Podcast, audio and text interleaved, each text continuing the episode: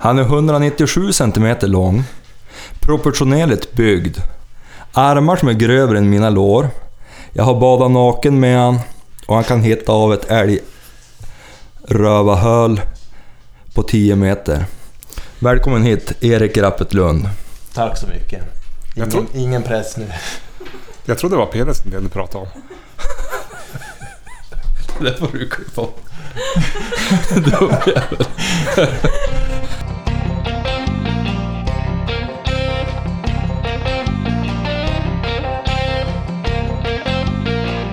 Ja men du, roligt att du kunde komma förbi Erik. Ja. Jag tänkte jag skulle höra idag... Det var inte, vi skulle säga att det inte var planerat. Nej, det var ju inte planerat. Det är så att Erik är på kurs här uppe i Här nere. Umeå, ja nere för han, men det är ju här uppe för de flesta lyssnare tänkte jag. Jo. Vi har ju väldigt många sörländska lyssnare så att vi kanske måste sätta på någon slags översättning på, på, på, på ditt språk. På vad jag säger. Ja. Ja. Hur har det gått med älgjakten i höst? Det har gått åt helvete. Varför det? Ja, jag, jag, bommade bland annat. Jaha. Ja, men Det, du är inte ensam. Det kan hända även den bäste. man kan sammanfatta det som att hunden har varit bättre än någonsin, men jag har varit sämre än Ja. någonsin. Vad har du för hund? Jämthund. Sicko. Härstamning på den du? Ja, det är ju... det är ju ditt jobb. Ja. Nej, det är faktiskt så att Erik har en väldigt fin hund. Han har en, en hund som han är 7-8 år nu va? Han blir åtta år på midsommarafton Ja. tror jag det blir. En, man måste säga att det är en rejäl älghund. Jaktchampion. Ja, både svensk och finsk. Ja. Mm. Ja. Så ja, du har gjort ett jobb kan man säga. Ja, jajamän, men min första hund från att han var valp. Jaha. Jag har, jag har ju haft Gallardo i- sedan tidigare. Ja, du, du gjorde ju ett hästjobb redan första hund du hade. Du hade ju en, Ja. en hund, det var faktiskt Stures hund från början. Jag tror Petter gjorde ett jäkla jobb med han innan jag tog över han. Ja, det gjorde han. En, en kompis till oss här som heter Petter, han, han, eh, han höll på att spåra. Vi hade en hund, eller det var Sture som hade en grå hund. Som... Eh, han hittade helt enkelt inte igen folk. Han gick ju vilse. Jo, och sen var han var så fruktansvärt speciell när det gällde... Alltså när han skulle ut på sök. Man Ja. fick ju som nästan finta iväg honom. Ja, Det där var jättespeciellt. Man fick som gå och så tittade han som om han var med. ja. Så man fick ju gå och hålla på och finta iväg honom. Sen när han väl stack iväg då, då funkade det bra. Sen var det som du sa, han, han kunde bara fara och fara och fara ibland. Men eh, ja, jag vet inte riktigt vad jag gjorde men det fick det där att fungera. ja men, det, det var väl tid och trygghet kan jag, jag, tänka mig. jag tror det var det där att vi var ju väldigt mycket ute Ja. jaga. Ja. Ja, han fick chansen. Det är ju viktigt att de får tid i skogen. Särskilt Ja. de här som inte är riktigt kanske bästa ämnena. Ja, och sen fick han mycket älgkontakt. Just då när jag började jaga med honom så då hade vi bra med älg. Mm. Och jag fick gå mycket med honom. Hur- Hur ser det ut med älg nu då där uppe i... Du jag, jag var Nu- utanför Kalix va? Ja, jag har ju egentligen tre jaktlag. Mm. Näsbyn, Kamlunge och Bensbyn. Både i Kalix och Luleå. Mhm. Men eh, ja, det, det har sett bra ut faktiskt. För jag hade några år där det var riktigt dåligt. Ja, var inte det då du skulle jaga in det här kräket då nu? Det var det ju tyvärr, så det började ju egentligen inget bra i och med att vi hade så dåligt med älg. Det var, det var så pass när jag skulle gå jaktprov att jag fick kontakta domaren och säga Hörru, det finns nog ingen älg i princip. Vi, har du några marker vi kan gå på? Du Så- for väl ner till min farbror va? och, och Mm. gick jaktprov? Mm. Ett jaktprov där, sen gick jag ett jaktprov i... Eh, vad, vad heter det? Ja, utanför Kalix. Det var en domare som hade marker som vi kunde gå på. Ja. Och det, ja, men då gick det bra. Då lossnade det. Fick första, det första första priset. Och sen rullade det bara på. Men visst har du fler hundar? Nu är jag lite förkyld, jag är faktiskt sjuk. Ja. Men visst har du fler hundar än äh, jämthunden? Ja, eh, en Kleine Münsterländer. Vad, jag, vad jagar du med den? Fågel.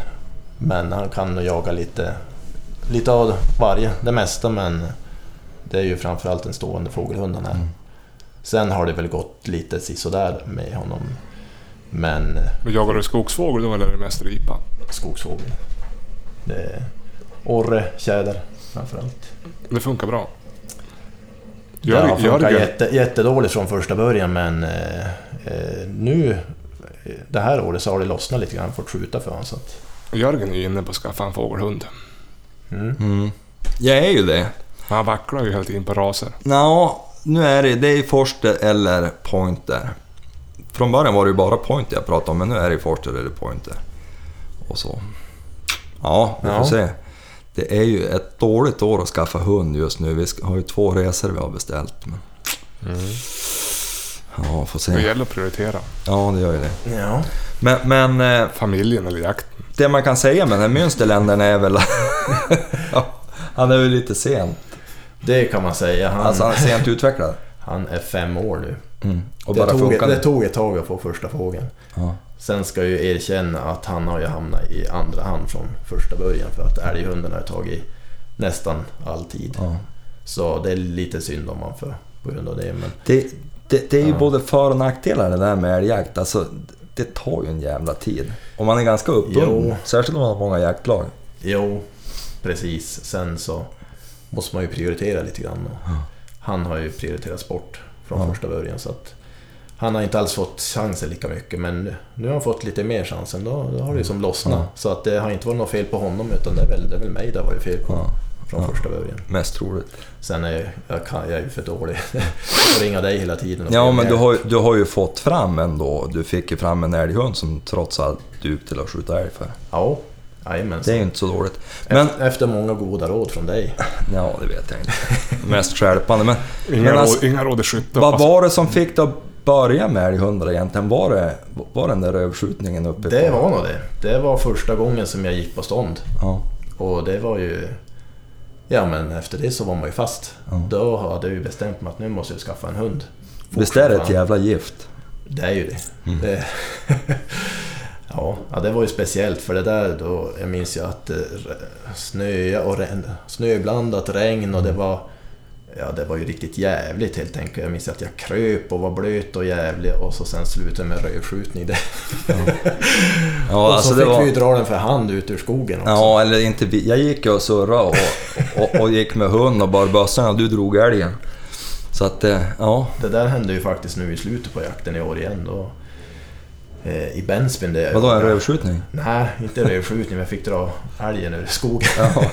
Ja. Men eh, när vi var tre hundförare som skulle ut och jag tror det var sista eller näst sista jakthelgen. Tre hundförare går ut på kalvjakt och får skjuta varsin kalv på olika, för varsin hund. Det händer inte så ofta. Nej, men det är ju roligt. Men då var det då när jag sköt, jag var ju då sist att skjuta, så då var det ett Hur fan gör vi nu för att få ut det här i skogen? Men det löste sig. Jag började dra den för hand och sen så kom det en, en, ja, en jaktledare som inte var med just då, men han kom ut och hjälpte att dra ut älgen. De är ganska tung. De man drar De blir själv. det. Man får ju lite syra i benen efter ett tag. Jo, det får man. Men det går ju. Ja. Det är bara att ta i. Du, vad har du... Vad har du för erfarenhet av lockjakt på räv? Lockjakt på räv. Ja, mycket liten. Jag har en lockpipa och jag har en, en räv som jag har kollat ut som är, ja, han lever farligt. Ja. Mm. Du bor ju ganska bra till numera. Du har ju Ja. som mig att du kan skjuta från fönstret nästan. I princip. Ja, men det är ett bra läge. Vad säger du Johan om det här med lockjakt? Är du en erfaren lockjaktsjägare eller? Nej, vi eh, efterlyste ju massa tips på vår Instagram. Mm. För att vi all, i stort sett aldrig har provat. Vi provade en gång förra året. Det Ja. gick åt helvete. Ja. Så då efterlyste vi tips om hur man ska gå tillväga när man ska locka räv och fick ju in jätte- jättemycket tips. Över hundra mycket tips. faktiskt. Ja. Och det var jättemånga bra tips. En del de sa en sak och en del de sa en helt annan sak. Men i stort hälften av alla tips som kom in, de sa samma sak. De sa, ni måste ju prata med Ulf Lindroth, för Ja. han är ju bäst i Sverige på det här. Ja. Ja. Han är ju faktiskt gudfadern av lockjakt på räv. Så vi gjorde ju så. Grundaren av lockjakten i Sverige nästan. Ja, så vi gjorde så att vi ringde till Ulf Lindroth Ja. och pratade med han Ja. om hur fan man ska gå tillväga. Jag tror till och med att han har gjort den här lockpipan som jag har. Ja, du ser. Eller tagit fram den. Tror jag. Han har ju en hel del lockjaktsfilmer som han och, eh, ja, under Lindroth och Norin på Vimeo Ja. som man kan titta på. Ja.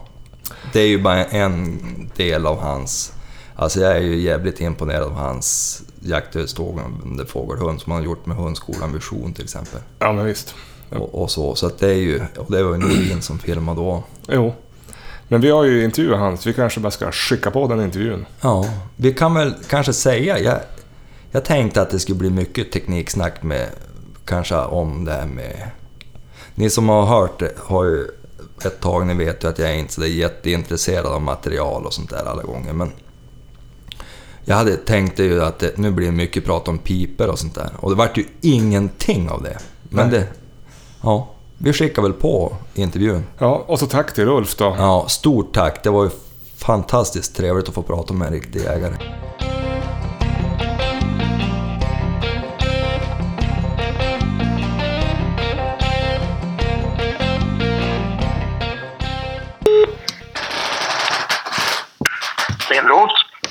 Ja, men tjenare Ulf och välkommen till Jaktpodden.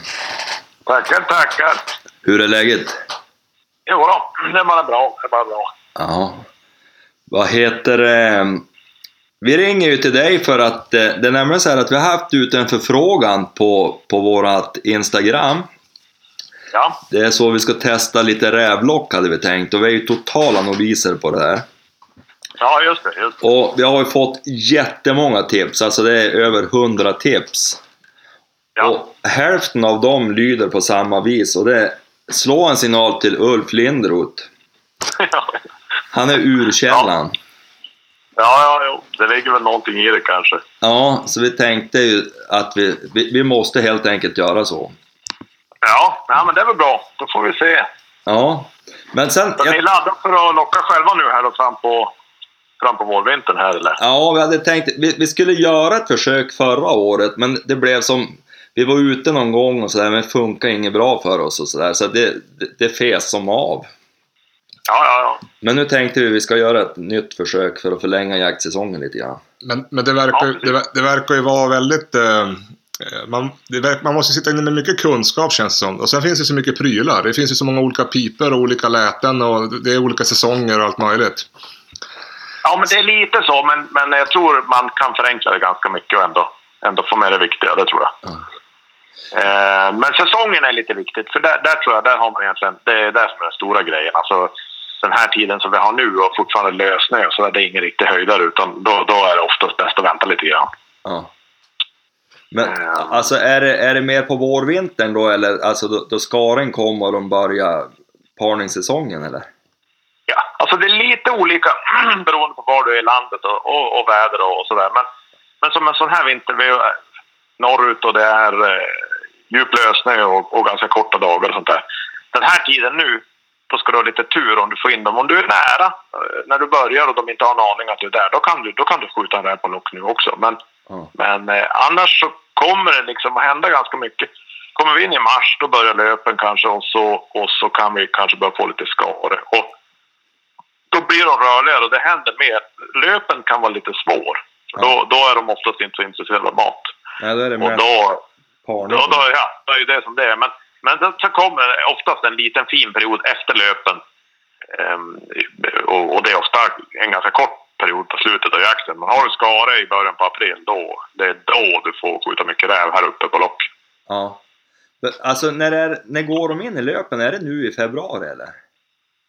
Alltså det där är ganska så svårt att säga helt säkert och man får lite skiftande svar. Jag tror också att det varierar lite år från år. Men man kan nog säga, jag tror att man kan säga januari sydligaste Sverige och, och mars i norra. Ja. För Och att, jag tror som här i Norrbotten där jag håller hus så tror jag att eh, du har inte något mycket före. Då kanske skäller och vaktar revir och sånt i februari. Men det är egentligen riktiga löpen den börjar nog inte förrän i mars. nej, just det. För att, alltså, för jag ser här hemma, alltså vi har ju inte sett några rävspår alls nästan nu under en period. Nej. Men, men däremot, jag såg nu, jag har en liten åtel bakom huset där jag brukar skjuta skator och sånt där. Ja. Och nu först så har jag haft mitt första rävspår nu under fullmånen här. Då, då har det faktiskt i natt varit framme. ja, just det. Och, och det är som första spåret jag har sett under hela vintern. Alltså då är man ju ändå ute lite grann. Ja. Så- Det var, på många håll var det lite ont om räv förra vintern. Det var ju som lite de har haft någon dålig föryngring och, och, och, och lite tuffa vintrar och lite sork och få valpar och sådär. Så att det, var, det på en del håll. Men jag tror många håll har det börjat vända redan i år. Så det är mer räv i år än det var förra vintern. Det tror jag på ganska många håll. Är det därför det var så bra fågelår nu i höstas då kanske? Ja, det tror jag. Det har ju varit otroligt med fågel. Ja, alltså det här är nog egentligen bara helt normal eh, fågeltopp på grund av det här med, med, med jag menar, rovdjur och gnagare och det där. Men, men jag tror att det ska ju turas lite grann. Varje topp är inte lika bra och den här gången har nog på många håll turats lite grann så att det har blivit liksom en, en riktigt bra topp. Men, men det är ju det är ju en helt normal fågeltopp egentligen. Okej. Det är bara det att har hållit på att vara några år sedan sist så folk håller på att bli lite förvånade. Men, men det är ju så här det ska vara när det är bra. Ja, visst. Särskilt här ute vid kusten är det ju, alltså vi har ju inte varit bortskämda med mycket fågel på sista åren. Nej, det är rätt länge sedan det var bra på kusten. Och, och, och då, då, då blir man ju, man glömmer ju som bort, eller ja, om man inte kanske var med förra toppen eller om man har glömt bort det. Så man börjar tro att nej, men det är aldrig någon fågel, det är aldrig. Så, så kommer ett bra fågelår, då risken är väl att man går sedan i ganska många år och så minns man, ja fy fan jag minns hur det var där 18, då var det bra. ja, det blir, det blir legendariskt. Men, men du Ulf, ja, du Ulf, hur kom du in på det här med att locka, locka räv då? Som jag förstår är du den som har introducerat rävlock till Sverige. Ja, men man, man kan, man kan både säga det och inte säga det. För att det var... Alltså när jag växte upp, när jag var grabb, så då bodde, jag, då, då bodde vi på Västerbotten. Alltså vi bodde ju utanför Burträsk. Och eh, Vart bodde du då då? vet jag farsan... I Remmersvattnet, mellan. Skellefteå och Burträsk. Ja, Så, eh, då vet jag farsan berättade att de vi köpte huset det- när vi flyttade upp, för då var jag fem år. eh, Då, då, då hade de berättat att en av deras grabbar, han hade lockat lite räv och skjutit en del räv på lock före skabben kom. ja. Och, och det fanns lite folk. Farsan pratade om det. Han, när jag började locka då vart han lite intresserad. Då tog han fram alla sina gamla buntar med svensk jakt. Han sa ungefär en gång varje årtionde har någon skrivit en artikel om att locka räv med, med harskrik. Men alltså, och så han letade fram sådana här, fyra stycken från 40-tal, 50-tal, 60-tal, 70-tal. Och så la han dem på bordet. Och det var, allihopa var ungefär likadana. Att de, var, de hade liksom fått tag i en pipa någonstans ifrån, oftast från Tyskland. Och så var de jätteförvånade att det funkade. Så att folk hade ju gjort det. Och jag har sen också träffat eh, en par stycken som, har, som hade lockat ganska mycket under åren jag började. Men håller tyst om det och, och håller det helt för sig själva. ja. Men, eh, men, men jag, så när jag började så frågade jag runt så mycket jag kunde. Jag frågade yrkesägare, jag frågade jaktvårdskonsulenter och så jag jobbade i södra Sverige då. Och då eh, Eh, om de hade använt harskrik. Och, och, det, var, det var någon som hade skjutit några med harskrik, men annars var det bara muspip. Eh, och då var det bara det att jag, hade, jag, jag jagade ganska mycket. Jag bytte rätt mycket jakt med en amerikan de åren. Och, och där lockades det väldigt mycket. Så vi träffade lockjägare ganska ofta och surrade med dem och sådär. Och, jag förstod att det verkar funka bra och det verkar jävligt roligt. Så, att, så jag får hem till den där Smålandsmarken och tänkte bara, jag ska, jag ska skjuta där på lock. Ja, så, och så och började bara nöta och satt och gjorde en djävulsk massa tonårspass. Utan att säga det. Men, men till slut så kom det ju någon då. Och så faktiskt den, slutet av den första säsongen där jag försökte, då sköt jag tre stycken i februari på ganska kort tid. Och det, sen var jag helt fast. För det var ju så jävla roligt då. Ja. ja. Men, men kan man säga, är det någon skillnad på att locka våra rävar här eller om man tänker sig på i staterna och sådär? Är det annorlunda eller kunde du applicera en del på direkt här eller? Jag tror att den stora skillnaden där, det har ju varit att det, det är två stora skillnader. Det ena är ju att man lockar prärievarg istället för räv. Och de är Ja. kanske lite tuffare. Så att de går på ljuden lite hårdare. Men sen är de också, de är lite, de använder ögonen lite mer. Eh, och, och därför så blir det lite mer noga med kamouflage. Det beror också på att det är oerhört öppen terräng. Ja, jo, det är Men, men, om jag säger så här, när jag lockar, jag lockar ju en del i fjällen. Jag har ju kört åt Länsstyrelsen nu några år Ja. och varit uppe i april och skjutit undan lite rödräv. Och då, då, jag måste säga när man är uppe på fjället, Fjällbyskogen och Kalfjället, då är lockjakten ganska lik att locka coyote på prärien faktiskt. Det, det blir lite samma sak på ett vis. Ja. Men du, det där med fjällen, ska du upp i, i vinter också och locka eller? Jag pratade med dem förra veckan och de håller på, det, det, det ska fattas lite beslut om planeringar och budgetar och sånt där. Men jag, men jag tror det. Jag Ja. hoppas det. För att det där, jag har följt det lite på Instagram och sådär så det verkar ju vara väldigt effektivt. Ja, men det har funkat bra och det som märks särskilt är ju det område där vi har satsat hårdast, där det är fjällgäst. Där är det ju, i, vår, i våras var det svårt att hitta några rävar där. Ja. Det var ju, det var ju, det var ju tråkigt att jaga för det var ju som ont och räv. Ja. ja, men det är ett bra kvitto på att det har lyckats. Ja, nu tror jag rävarna har gått ner på många håll i fjällen det här året. För, eller för det har varit några magerår. Men, men, Mm. men alltså i det området så tror jag för att det är nästan så här att jag vet vilka rävar som är kvar. Alltså de där rävarna som jag träffade nu i vintras, det är några stycken som jag har skrämt och bommat och sådär. Ja. Och de är så jäkla försiktiga. De kommer. Jag har en, jag tror att det är en, en hane som är på samma ställe. För jag har skjutit någon tikar där, men jag har aldrig fått honom. Jag, jag tror att jag hade han inne i ryggen första året jag var där. Ja. Och då tror jag att han lärde sig, för han kommer jävlar inte på lock. Det spelar ingen roll. Nu har jag suttit och tittat på honom. Han har inte vetat att jag varit där och så har jag kört lock. Men nej, det ska han inte prova. Men Det där, det där när man ska, träna på att locka. Eh, man behöver skjuta dem det kom någon tänker jag. Man kan ju liksom inte lära dem att man lockar på dem. Nej, du bör skjuta dem. Du bör skjuta dem, absolut. Du ska aldrig locka eh, träningslocka ut i markerna utan att vara beredd att skjuta. För att det som händer är ju om du lär upp i din jaktmark, om du lär upp några revirrävar där och de håller reviren och lever några år, då, eh, då blir lockjakten mycket tyngre. Ja, just det. Så att, så att du, ska, du ska undvika verkligen att försöka. Samtidigt så brukar jag säga så här, man ska ju inte man kan inte avråda folk från att träna. Man måste ju träna och göra misstag. Jag gjorde ju en jävla massa misstag. Men den fördelen jag hade när jag började, det var ju att det var ju ingen annan som höll på. Så jag kunde åka till vilken kompis som helst och, och prova. Och då var det aldrig någon räv som hade hört ett lock förut. Så jag fick ju göra jävligt många misstag i lugn och ro. Och, det var ändå liksom gott om nya marker. Så där är det svårare om man bara har har du en jaktmark, du har byn, byn hemma kanske, eller ett, ett jagar med ett jaktlag någonstans. Ja. Då är du lite mer begränsad. Då är det lite jobbigare om du börjar lärt upp några rävar. Ja, just det. Men du, ni, har- ni har ju gjort både filmer och du har skrivit artiklar och allt möjligt om rävlock. Vad, vad skulle du säga liksom, om man ska börja med det? Vad, vad, vad, hur ska man tänka? Eh, vänta till en bra säsong. Vänta till en bra del av säsongen. Alltså, eh, stega inte ut nu i djupsnön och kylan och, och börja nu. Därför att de rävar, nu är det ganska svårt att lyckas. Och då så kan du lära upp lite väl mycket räv i hemmatrakterna. Så jag skulle säga vänta på skaren åtminstone. Mm.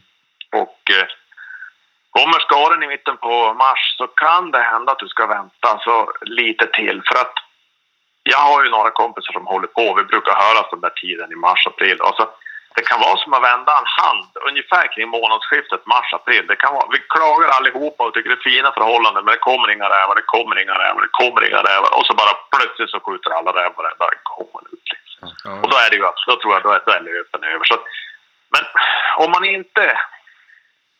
Om, om, om, om man vill göra det lätt för sig, då väntar man till här uppe tills man har skare och, och, och kommer mot månadsskiftet mars-april. Då får man ju bara kanske två veckor på sig, men de kan vara sjukt bra. Mm. Och sen kan man locka vilken tid på året som helst. Men du ska tänka att om du lockar den, lockar den här tiden på året, då måste du ha en mycket bättre idé om vart räven är. Det duger liksom inte att veta att ja, men han brukar passera här varje natt, för han kan ju gå... Han kan ju, utan, utan om du vet att jag tror att räven ligger i daglega uppe på det här berget, Mm. då kan du smyga dig så nära du kan och så kan du prova att locka mot det berget och se om han kommer ner. Mm. Och, och, eller om du ser en räv som... Ja, men, så att du sitter hemma och så tittar du ut genom fönstret och ser ner på någon, någon, någon fält, liksom att det springer in en räv i en dunge eller, eller över en is eller någonting. Så här, då kan du ju naturligtvis göra en snabb manöver för att försöka locka mot vart du tror att han är. Ja. Men, men, men så här års är det väldigt svårt att få en räv att springa en kilometer. Det tror jag nästan kan vara omöjligt. Medan det är...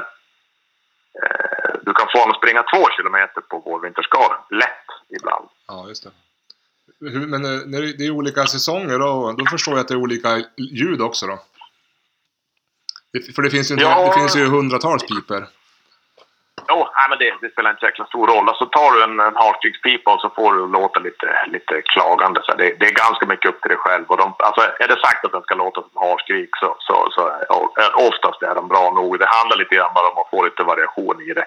Mm. Ehm, så, så det är nog inte så noga. Och här uppe vinterstid så är ändå harskriket väldigt säkert. Ja. Hur, ofta ska, hur ofta ska man locka då?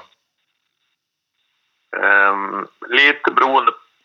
Jag brukar, jag brukar locka mycket. Jag, kanske, jag är nog sällan tyst en hel minut. Och sen så lockar jag på kanske 20-30 sekunder och så, så är jag tyst en liten stund. Men, men, men jag brukar säga så här om jag vet med mig att jag sitter lite för öppet och det kan komma räv från vilket håll som helst. Då är jag tyst ganska mycket mer för att jag inte ska för att jag liksom inte ska dra ögonen till mig. Och räven kommer bakifrån sidan och jag inte har sett den, då, då är det onödigt att jag råkar locka just då. Så att, eh, om jag sitter på en liten bergknalle och har utsikt över en is och vet att räven ska komma från andra sidan, ja, men då kan jag locka mycket som helst. Jag kommer ändå se han först. Ja, just det. Så att jag brukar försöka tänka liksom, jag lockar gärna mycket för att jag har sett ibland hur en räv kan tappa intresset. Vid något tillfälle så hade jag fått fart på en räv som var 700-800 meter bort och så kom han och sprang så jäkla bra fart. Så jag, jag, jag, det var ganska tidigt, jag hade inte hållit på så länge. Så la jag bara pipan åt sidan och så började jag med skjutklart. Mm. Och när räven sprungit halva sträckan, då började jag jaga hans ork istället. Och sen så plötsligt så var han på väg därifrån och skulle göra något annat. och då, då fick jag påminna igen och då var det full fart igen. Så då, då insåg jag att man, man, eh, man kan nog inte bara locka en gång och sen sitta och hoppas att de ska komma ihåg det och komma från långa sträckor. För det är inte säkert. Ja, just det. Hur ska man tänka vindmässigt då? Ehm, Vi har, vi har ju fått tips här om vind i ryggen, skriver en del. Ja, men det, det där... Jo, jag har sagt det och jag har gjort det också mycket. Eh, och, men jag skulle säga idag, det, det du ska tänka på är att räven... Du först eh, så ska jag säga, det jag är mycket mer noga med nu än förut, det är att jag klura mycket mer. Var är räven? För förut så var det mycket mer så att jag åkte ut och så satte jag mig någonstans där jag hade bra sikt och sen så hoppades det komma rätt, en räv från rätt håll. Ehm, och då var ju risken stor att den försökte ta vind av mig. Och då var det ganska smart att ha ett öga åtminstone åt det hållet som, som vinden blåste. Man behöver inte sitta med, med liksom vänd åt det hållet kanske, men man ska se åt det hållet. Eh, nu försöker jag tänka mer så här, var är räven? Alltså var ligger den i lega? Var är den ute och jagar nu någonstans och i så fall vart borde den vara? Och då, då sätter jag mig så att jag har bra sikt om den kommer från det hållet. Och det är det viktigaste egentligen bara att räven ska inte kunna ta vind av mig utan att visa sig. Och det gör att jag improviserar lite grann. Så jag tänker så här. Det viktigaste är att han inte kan ta vind av mig utan att visa sig. Och räv kan vara ganska fräck och gå runt en stor. Han kan gå runt en myr eller ett fält eller något sånt där för att ta vind i ryggen på mig. Så att jag vill egentligen aldrig ha vinden i ansiktet och lägga in den bakom mig. Därför att en del rävar kommer att gå runt. Ja. Du kommer att få rävar som springer jättefint med vinden in helt öppet. Men, men, men för varje sån har du säkert haft någon som har kommit runt i ryggen också. Så jag försöker verkligen undvika det. Och då i så fall sitter jag så att jag har vind bak i ryggen. Då har jag gärna en kompis med mig så att vi kan hjälpas att täcka då, så att han kan skjuta den om den försöker komma där. Ja. Men alltså egentligen om jag tolkar dig rätt, det viktigaste är förarbetet, det här med att ta reda på, på ja men alltså helt enkelt hur räven fungerar och vart han bor för tillfället.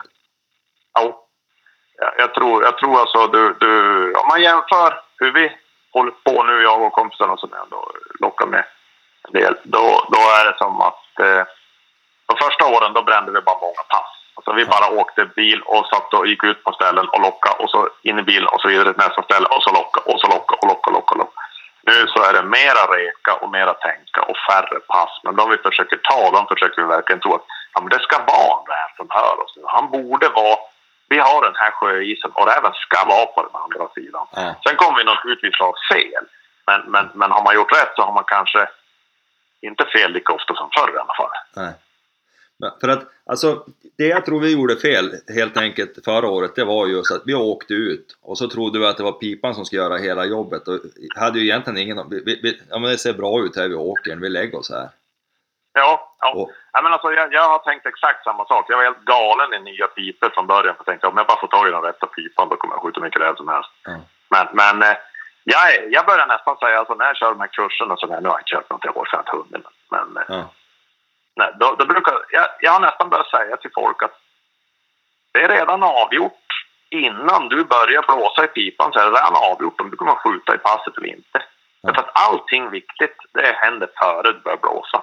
Ja. Alltså, först ska du ha valt ett tillfälle som är vettigt. Och så, det kan vara att, ja men okej, det är skare och det är efterlöpen och allt det där. Och, så, och då är frågan, ja men då måste du välja ett pass som, är det mitt på dagen så kanske du inte ska förvänta dig att han springer över två kilometer sjöis. Fast det har han gjort i gryningen. Så du måste också tänka lite grann, okej, är det här ett pass som passar på den här tiden på dagen eller inte?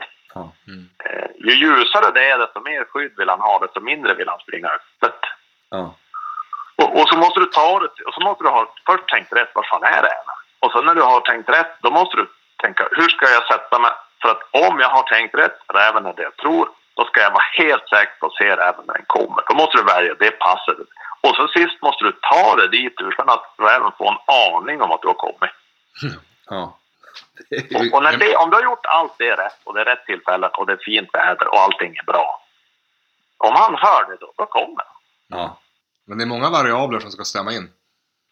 Jo, men nästan allt är avgjort innan du börjar tuta. Jag tror inte...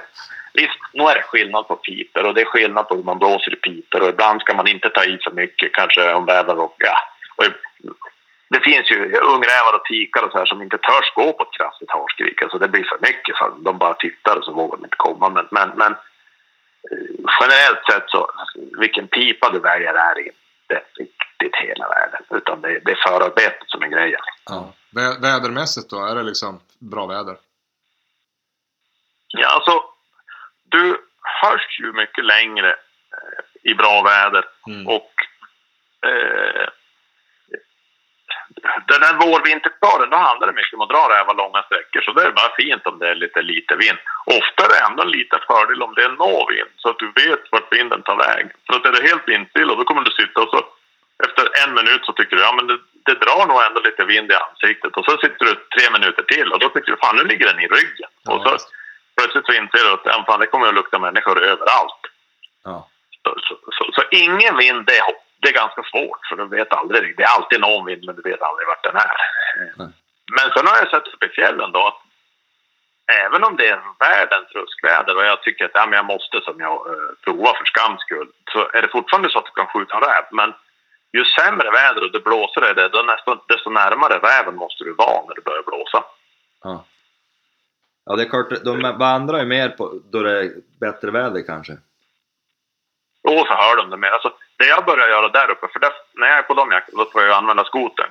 Ja. Så då, då har jag börjat göra så. Är det halvsnöstorm eller tätt snöfall, då, då, då far inte jag ut till ett pass som jag rekar i förväg och så sätter jag mig där och lockar. Utan då kör jag bara tills jag hittar ett färskt rävspår. Ja. Och så när jag ser det rävspåret då funderar jag på, se nu, vart är han på väg och vart kan han tänkas vara? Och i så fall, vart skulle jag kunna locka på? Och så provar jag på det och det är faktiskt det kan vara nästan lika effektivt som att vara ute en fin morgon och locka i perfekta förhållanden. Eh, Jag hinner kanske bara två eller tre sådana där spårningar. Om jag har tur hinner jag ett par, tre pass en sån där spårningsmorgon. Men, men chansen är rätt god att skjuta för jag vet ju att det är en räv som är uppe och springer. Jag vet ju var han är ungefär. Men jag, jag tänker, här hemma, vi bor ju vid Öreälven. Ja, Och, och det, det, är ju, det är ju ganska skarpa niper och, och, och sådär. Och han trivs ju ofta att gå, springa älven så här på vårvintern. Och, ja. kan det vara idé att sitta där eller är det vanskligt att de, att de ligger uppe på, på kanterna så att säga? Eller? Ja, alltså. Eh, jag skulle... Du kan säkert ha en och annan jävligt fin locksekvens på det sättet om du är kvar och lockar längs älven. Men alltså, det jag skulle fundera på direkt, det är att försöka hitta fina pass 500 meter från älven. 400-500 meter från älven. Och så säg att du har hittat storhygge som ligger i närheten av älven. Så du vet att de springer gärna längs älven, men du vet inte om man är just nu på älven eller på nipan på din sida eller på andra sidan eller om man är en bit in i skogen. Men du vet att de gärna är runt älven. Då är det ju liksom, kan du sitta 500 meter från, Ja. då är ju chansen ganska stor att räven är i riktning mot älven. Han kan naturligtvis fortfarande komma ur ett berg bakom dig för att han har legat i daglega där. Det är ju fullt möjligt. Men, men, men alltså, jag tror oddsen blir ganska mycket större att du kan sortera ut vilken riktning har jag räven. Mm. Eh, för att går du ner till älvskanten så vet du inte. Han kan komma nerströms ifrån eller uppströms ifrån eller från din sida av älven eller från den andra sidan av älven. Ja. Men, men, men, men backar du... Det där tror jag man måste tänka liksom att det handlar ju inte om att räven vill vara utan det handlar om ett bra pass en liten bit därifrån. Ja. Det är ju där du vill vara. För att går du in där räven vill vara dels vet du inte vilket håll han kommer att komma ifrån och dels är risken rätt stor att, du, att han hör dig när du kommer. Ja. Och då är det kört. Så har jag till exempel så att, okej jag vet att det finns en väg som går parallellt med älven några hundra meter ifrån. Då skulle jag ju se ut fyra, fem fina pass längs den med, med, med, med kanske två kilometers mellanrum. Så ska jag ge dem 20 minuter per pass Mm. kväll från gry, tidiga, tidiga gryningen eller, mot skyltningen. Ja. Ja, just det. Men du, Bara då, då du säger den 20, alltså hur mycket tid ger du varje pass? Eh, ja, alltså det är också lite beroende på. Är det... Eh, det kommer ut en aprilmorgon och det är helt lugnt och det är stenhård skare och det, jag sitter lite högt i terrängen och blåser ut och kanske gigantiska skogsmarker. Det bara sträcker sig blånar i fjärran. Ja. Då tycker jag nog att jag måste sitta 30 minuter och, och ibland kanske till och med lite mer. Det är samma uppe på fjället därför att de kan komma väldigt långt in i passen. Men oftast så, så nöjer jag mig någonstans efter 20-25 minuter. Ja. Om det är skogsmark eller om det är lite blåser eller sådär. Därför att ska det hända något då, då, då händer det ganska fort. Det, det allra, allra mesta händer inom 10 minuter skulle jag säga. Ja. Kvart kanske. Men, men, men du, då, då, då har du passen ungefär kring, ja men runt två kilometer emellan då eller? Ja, det kan man nog säga på vår, på vår vinter. Och, och kanske mer, men oftast inte så mycket mindre, även om det, man kan göra ett undantag också. Men, men, men eh, oftast inte så mycket mindre, utan hellre, hellre lite mer kanske. Ja. Eh, annars kan man fundera på att ta försiktigare läten och lägga passen närmare varandra. Då, då, då ska man ju ha en känsla av att det är räv i området verkligen, så att man liksom inte bara fara och, och, och puttra med små, små försiktiga läten i en, i en mark där det kanske är tre kilometer mellan rävarna. Då, då är risken rätt stor att man gör en massa pass utan att någon hör en.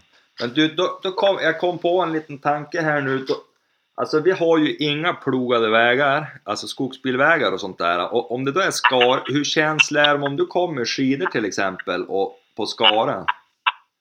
Det har ofta gått bättre än jag trott.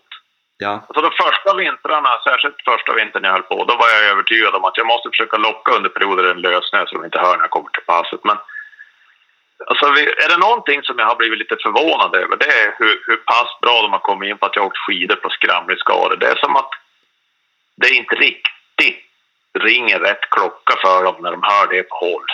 nej. Ibland tror Ja, Sen är det också så att när jag inte har tillgång till plogade vägar, då, då blir det mer så att jag satsar på kanske ett eller max två pass per kväll och morgon. För, för, för jag, precis det du säger där, om, om jag till exempel inte kan använda mig av, av bilen och, och ta pass längs en väg, då, då tittar jag mer på terrängen och på kartan och funderar på, men är den där sjöisen där inne kanske, den kanske är värd att åka. Och om jag då åker skidor, säg fyra kilometer in till en sjö för att locka vid den, då, då, då, då tänker jag ofta så att ja, men då blir det bara det passet ikväll. Och då kan jag tänka tvärtom som jag har sagt nyss.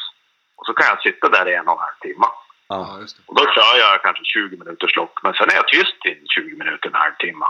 Ja. Och så kan jag köra den. Och det har funkat flera gånger så att det kommer räv i andra eller tredje omgången. Och det tror jag bara är för att är det ett ställe där du vet att det rör sig räv så det är inte säkert att den är i hörnhåll första gången. Eller den kan ligga nere i ett gryt. ja. Men om det är ett sånt där konstigt ställe som är drygt att ta sig till och du vet att ja, men hit blir det bara en gång i vår. Jag kommer bara lägga tid på det här en Ja. gång. Och, och, och liksom, du har redan åkt en massa kilometer in och då ska du kilometer ut och vet att du hinner heller inte så många pass. Då kan du lika gärna nöta ut det stället ordentligt den kvällen. Ja. Ja, det är ju alltså, men, men, men det är, är det lönt att vissla, alltså om man tänker sig på områden som inte har så öppna ytor? Eller är det de öppna ytornas jaktform? Ja, du, du har nog lika bra chans att få in en räv i det trånga. Det är svårare att få skjuta. Eh, jag brukar ju tro, alltså när jag ser när man har en kompis med sig och man sitter kanske två stycken vänner åt olika håll. Då ser man ju mer även när man är ensam och jag börjar ju tro det. Med tanke på det så ska jag tro att även om du är ganska duktig på att välja pass, är du ensam ute så ska du vara ganska, då, då gör du det ganska bra om du ser varannan räv som kommer i pass. Ja. Och är du inne i skogen så kommer du att se mindre. Ja, det är Eh, egentligen Jag har lite självklart. för mycket sådana där jädra pass där man bara hör tass, tass, tass, tass, tass på skaren bakom ryggen och sen har man egentligen inte aldrig blivit av det. Nej.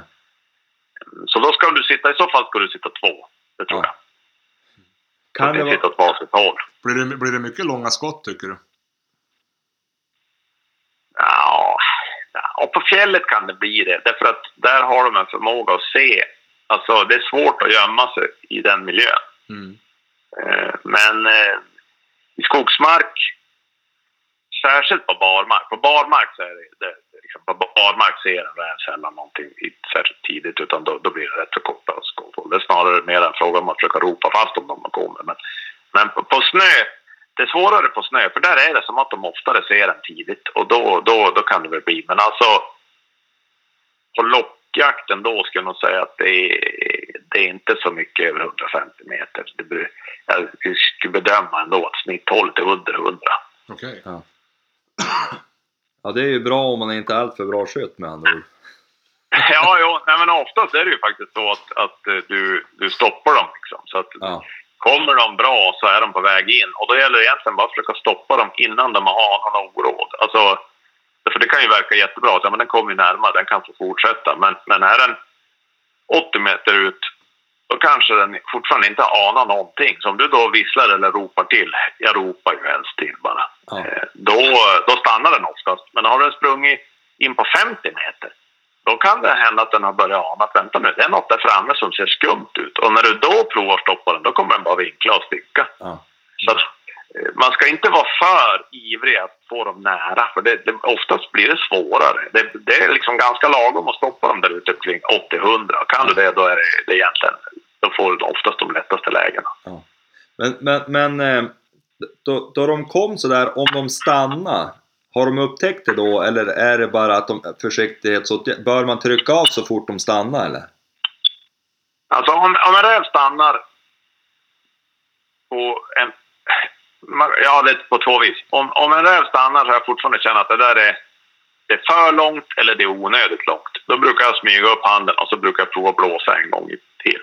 Mm. Och, och, och, och är det så att räven bara stannar för att orientera sig, då ska jag säga då är det nästan hundraprocentigt att när han hör nästa lockton, då ökar han och så kommer han. Ja. Men om jag ser en räv som stannar och så tar jag upp pipan och så blåser jag på honom igen och han inte går igång då, då brukar jag tänka att den där kommer inte komma någon närmare. Det här är chansen jag har och då får jag bara säga, är det, går det eller går det inte? Ja. Men, men då har du, du, har, du är skjutklar med stöd och allting redan då du börjar locka. Så du aldrig Jo. behöver röra dig överhuvudtaget. Nej, alltså jag vet ju aldrig riktigt säkert var räven kommer ifrån utan jag försöker oft, oftast när man är effektiv tycker jag då är man oftast två och så hjälper man åt att täcka upp. Alltså jag tycker en, en, en väldigt fin lock, eh, väldigt fina lockpass på vårkanten här nu det är ju myran. Alltså. Och vi, vi kör ofta så att man går ut mot vinden, ut på myren och så sätter man sig mot varsin myrtall och tittar i sidvind åt varsitt håll.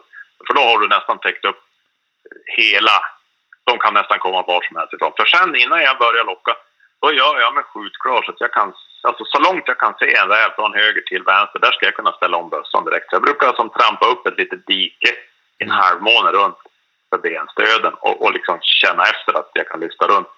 För att eh, om räven kommer, om jag sitter vänd åt vänster så kommer räven från höger, då, då, då chansar jag. Alltså när räven bara är tillräckligt nära, då chansar jag på en våldsam omställning med grejerna. Och, så, och väldigt ofta så blir de bara förvånade och stannar och tittar då.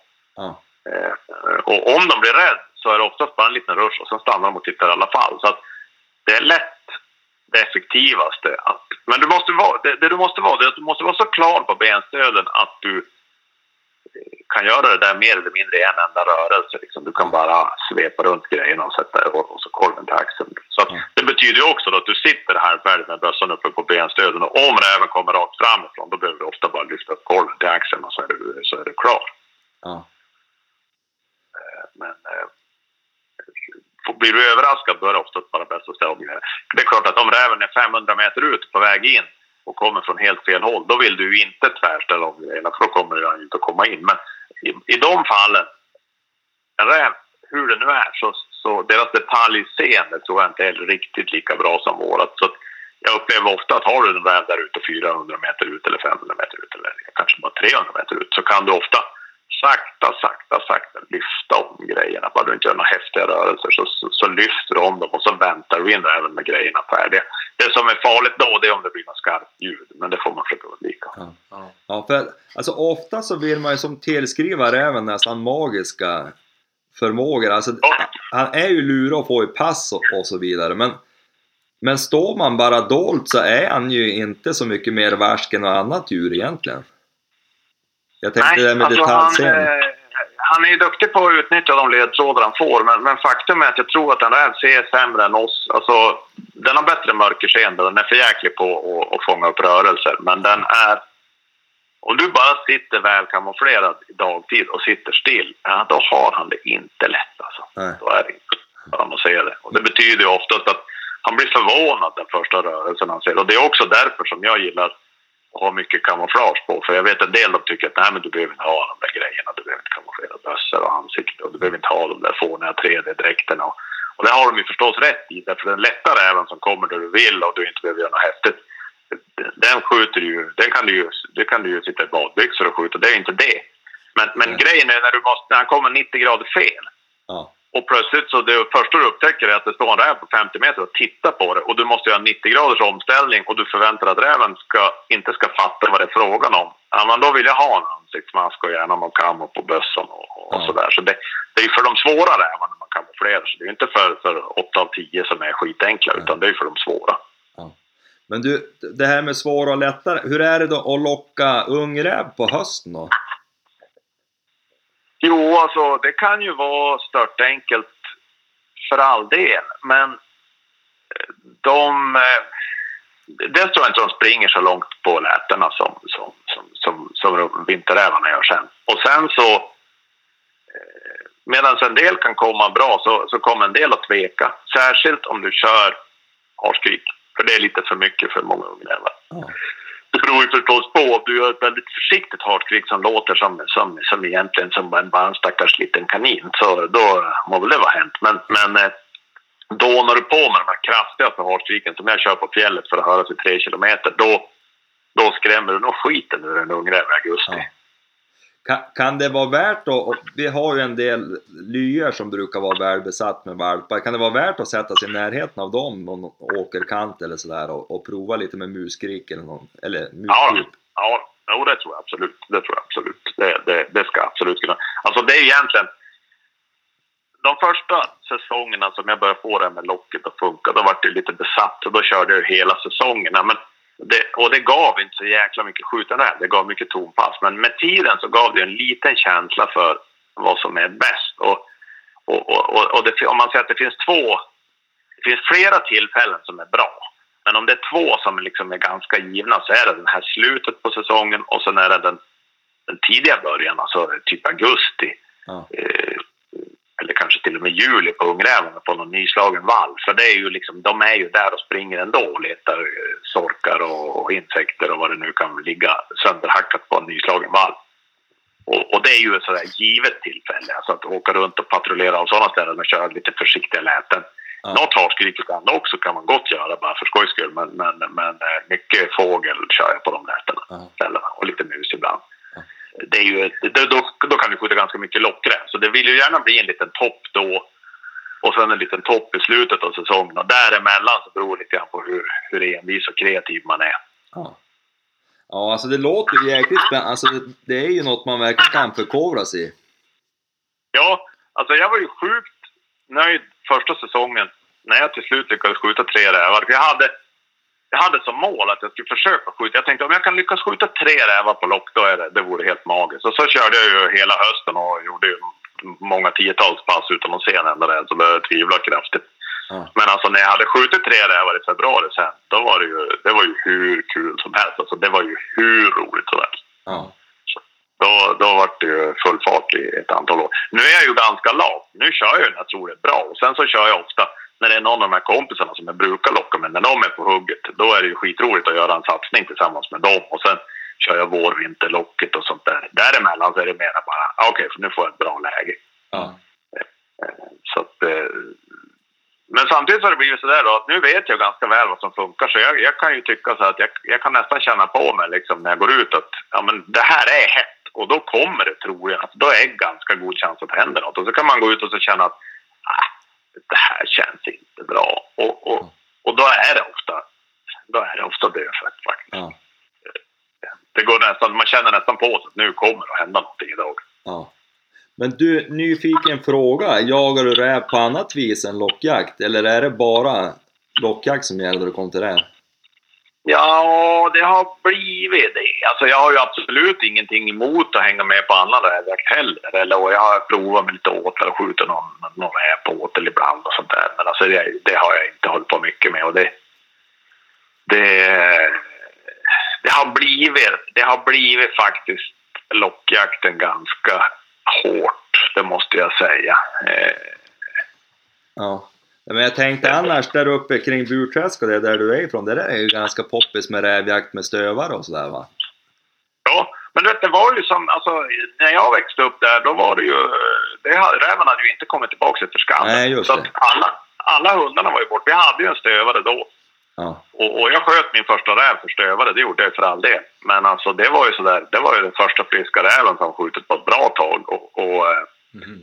Dessförinnan hade jag nästan bara sett ett par skabbrävar, det var allt. Och, så det var ju, det kanske var det också som gjorde att räven blev så nästan magiskt. Så när det väl började funka där med locket så tyckte man det var liksom så galet spännande. För räven var ett sånt djur som man knappt ens skulle få se. Ja. Och så, och så plötsligt kom den på lock. Ja. ja, det är häftigt.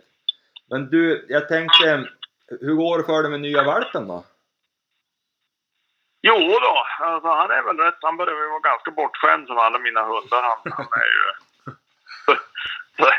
Men han, han lyssnar bra och eh, ja, jag tycker han... Jag har försökt lära han sitt här. Jag, jag ska faktiskt lämna honom på lite träning och, och, och då har jag lovat att jag ska nöta in sittet här i förväg. Men Vart skickar han då? då?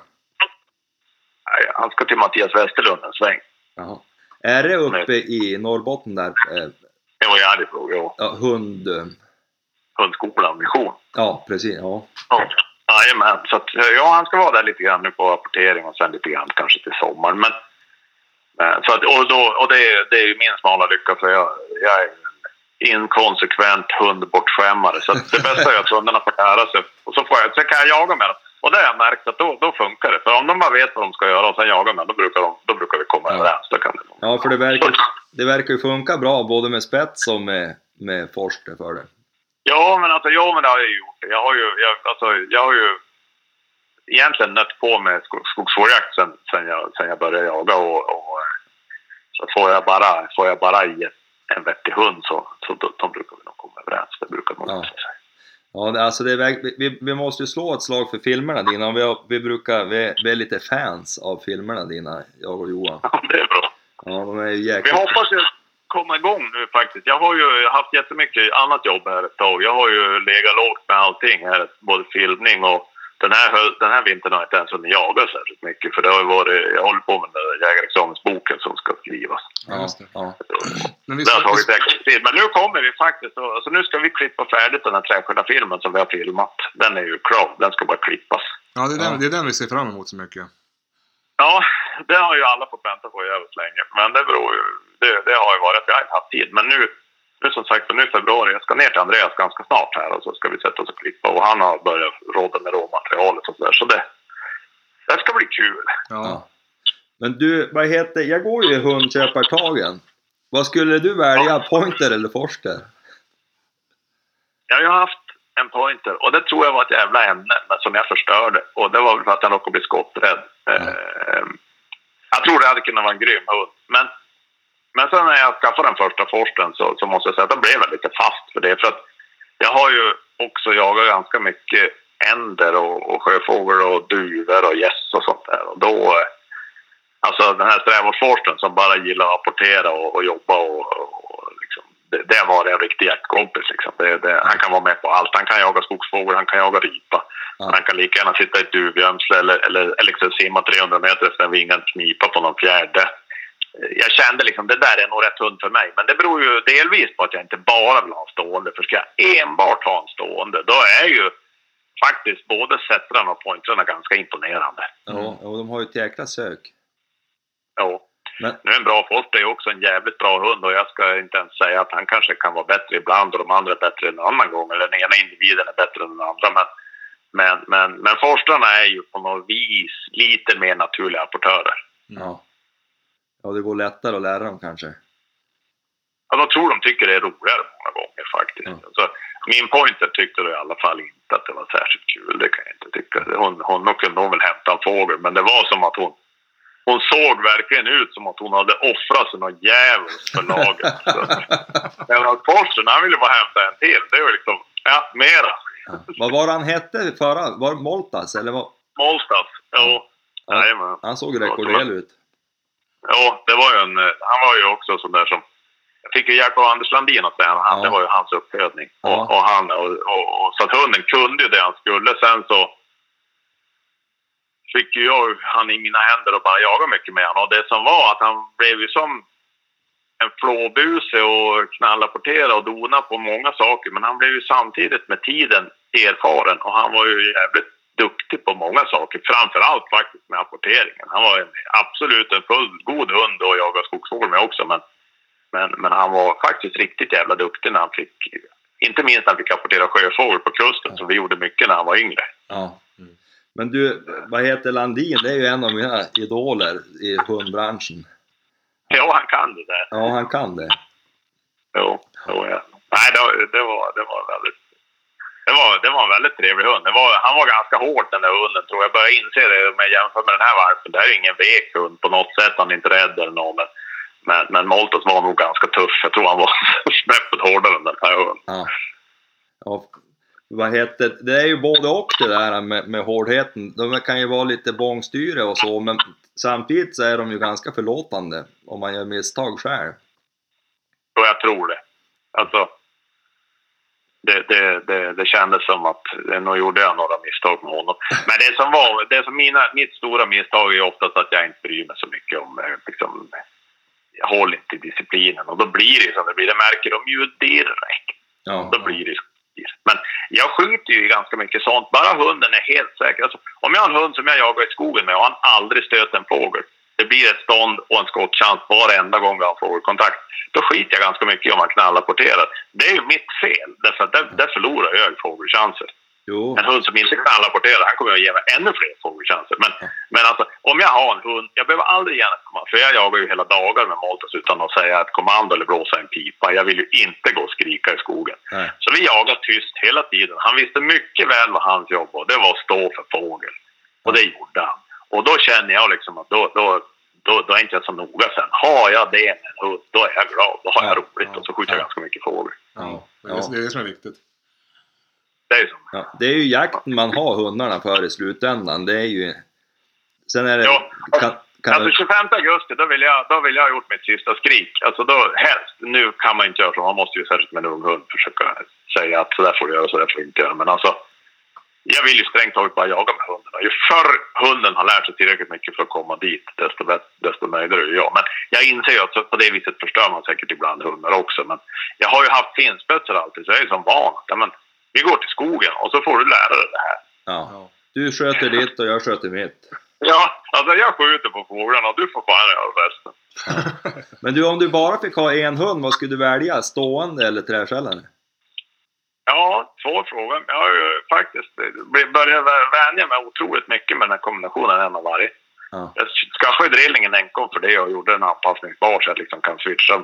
Riktigt ha den som hagelbössa eller kulbössa. Ja.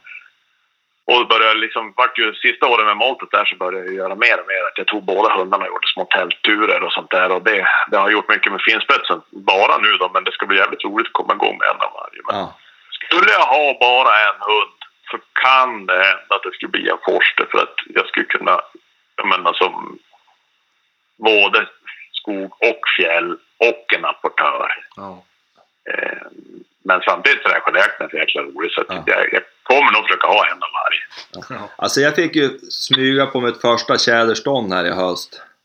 Och, Ja. och jag måste säga, det, det är ju en jäkla... Som gammal älgjägare så var det ju en jäkla kick att få smyga in på det där.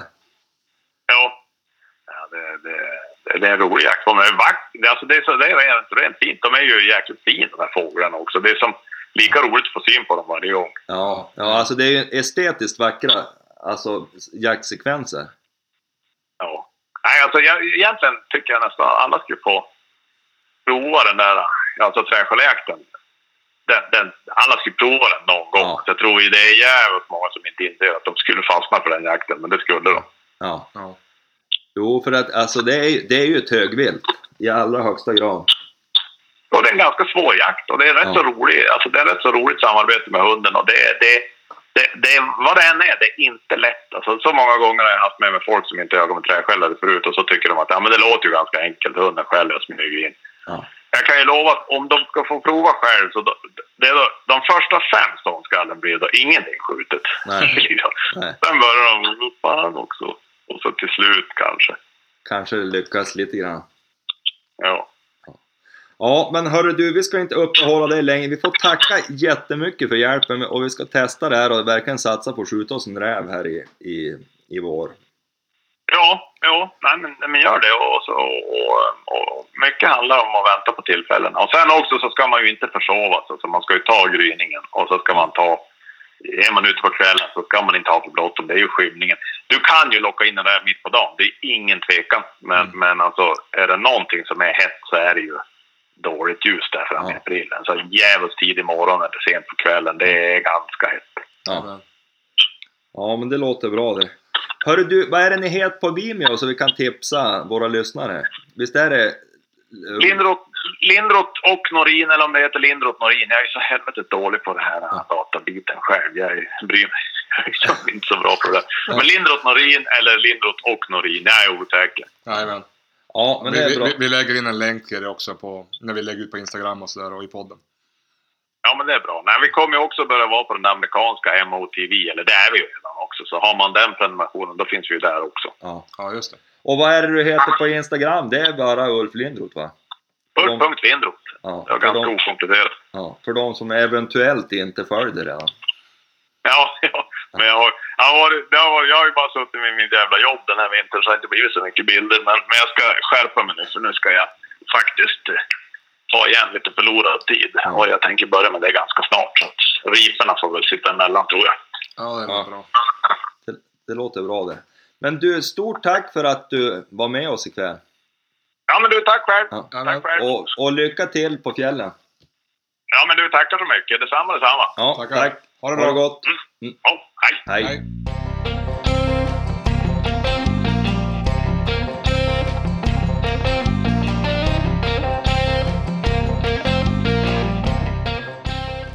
Ja, men det var ju en, det vart ju en redig intervju där Jörgen Ulf. Ja, det var ju fantastiskt roligt att prata med honom. Ja.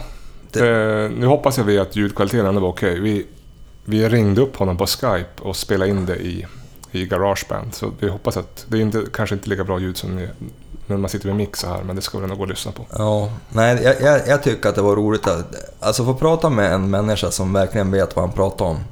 Ja. Det är ju alltid roligt. Och att han tog sig tid, det var ju trevligt. Ja, fantastiskt roligt. Så nu ska vi vänta på att det blir skare. Och så ska vi sätta oss någonstans och vissla och med rygg mot rygg. Ja. Och så försöka få tag i en räv.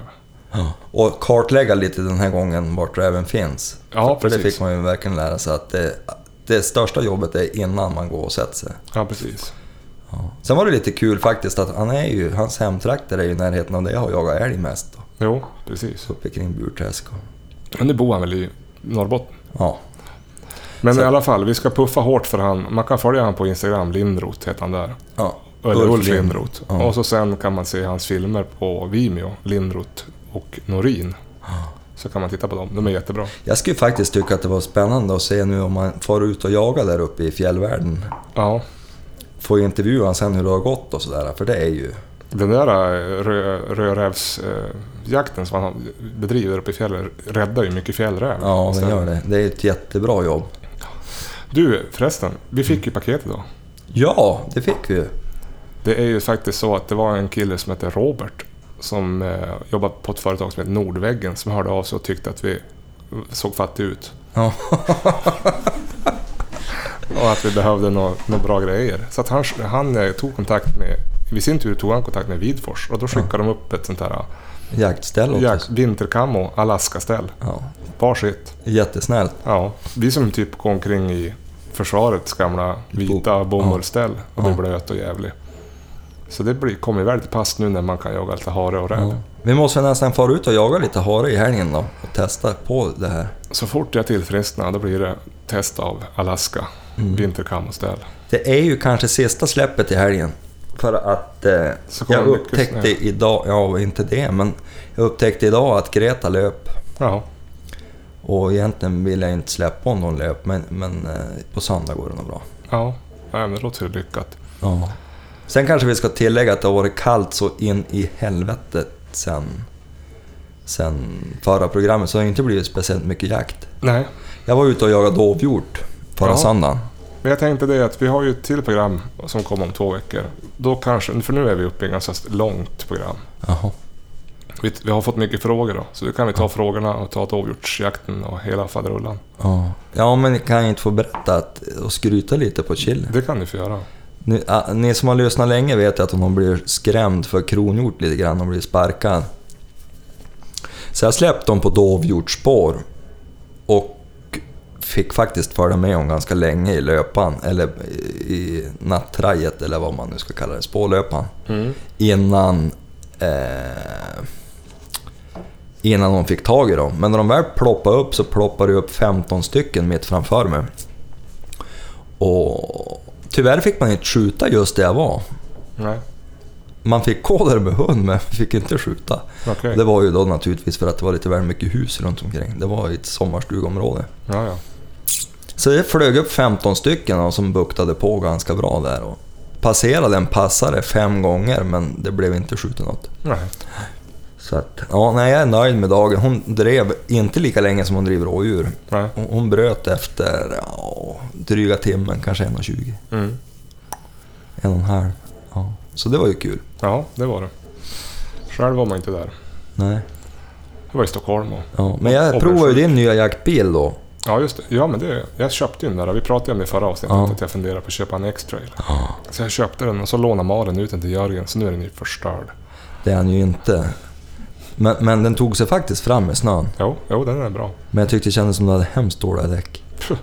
Det släppte då man körde i kurvorna. Ja, när du kör ja. Det är ju Mm. dubbfria. Det är sån här Madden Snow. Ja men det är fyrhjulsdrift, då ska det duga någonting till Ja, ja, att ja. hålla sig på vägen. Det är du som kör. Vad har du för jaktbil Erik? Oj, oj. Skåda. Ja. Octavia. Det är helt slut. Dämparna är slut efter mycket. Ja, misshandlar den. Så. Man har kört efter de värsta skogsvägar som finns. Men du Jörgen, jag vet om en bra jaktbil till dig. Vadå? Min gamla V70 som står i garagen nu och är till salu för 3000 spänn. Den som lägger så mycket olja så det luktar bränt om man den kör? läcker inte mycket olja, den läcker bara lite. Ja. Den gick igenom besiktningen i november. Jag tycker att det låter som en riktig bilskojare som sitter mitt emot. Den, är, den är skattad och besiktad. Den bara, det är bara, man får bara fylla olja en gång i månaden. Lite, Alltså en två liters. Jaha, jaha.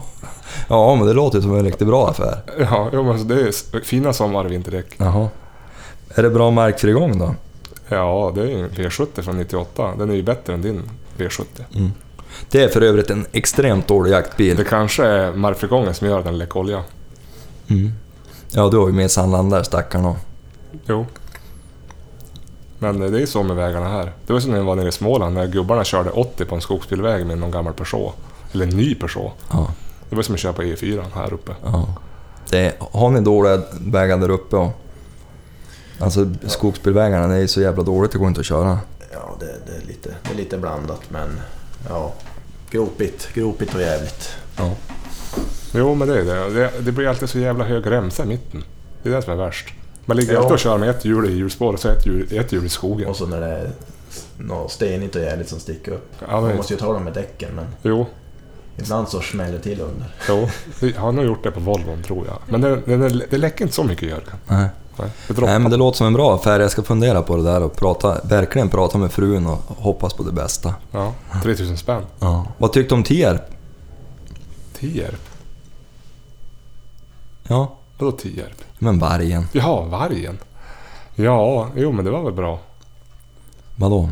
Ja, att han fick sin måltid och sen att någon sköt han. Ja, han fick ju en fin sista måltid Jo. i direktsändning. Ja, men jag tycker att det är spännande att eh, helt plötsligt så blir vargen jättefarlig. Ja. Jag undrar hur ofta det där händer i glesbygd. Jo. Att de går in på gården och tar någonting. Men samtidigt blir det ju så här när man har... När när folk bor tätt och man vidgar ut vart man bor. Och så söker sig rådjuren dit för att det blir kallt och då kommer ju vargen efter. Ja, det är klart. Han ska ju äta. Jo. Dessutom han ju skadad vid obduktion. Vi har ju rådjuren, rådjur inne i byn här och hade det funnits varg så hade han ju varit efter. Ja. Så är det ju. Men, men det är ju... Men det är klart, hade det varit en unge som hade lekt på baksidan av gården. Ja. Jag. Jag, jag tyckte det är fascinerande BBF och de här, hur de uttalar sig. Om hur, jag kunde inte förstå varför man skulle skjuta vargen när han skulle ha fått en chans. Det, snacka om dålig insikt. Jo. Däremot Olof Liberg. Mm. Alltså är man vargforskare så är man ju kontroversiell hur man än bär sig åt misstänker jag. Mm. Men jag, jag måste säga att intervjun efter det här är så måste, jag måste säga att han sköter sig riktigt bra. Ja, det inte hört. Han vet förmodligen vad han pratar om. Han, han tyckte att det var en dålig reklam för vargen. Ja. Att, att den där fan var utanför fönstret där och rev ett rådjur. Ja. Han var ju inte speciellt effektiv på att göra det heller. Han levde ju länge den där stackars rådjuret. Ja, han vill väl ha färskt. Va? Råbiff. Ja.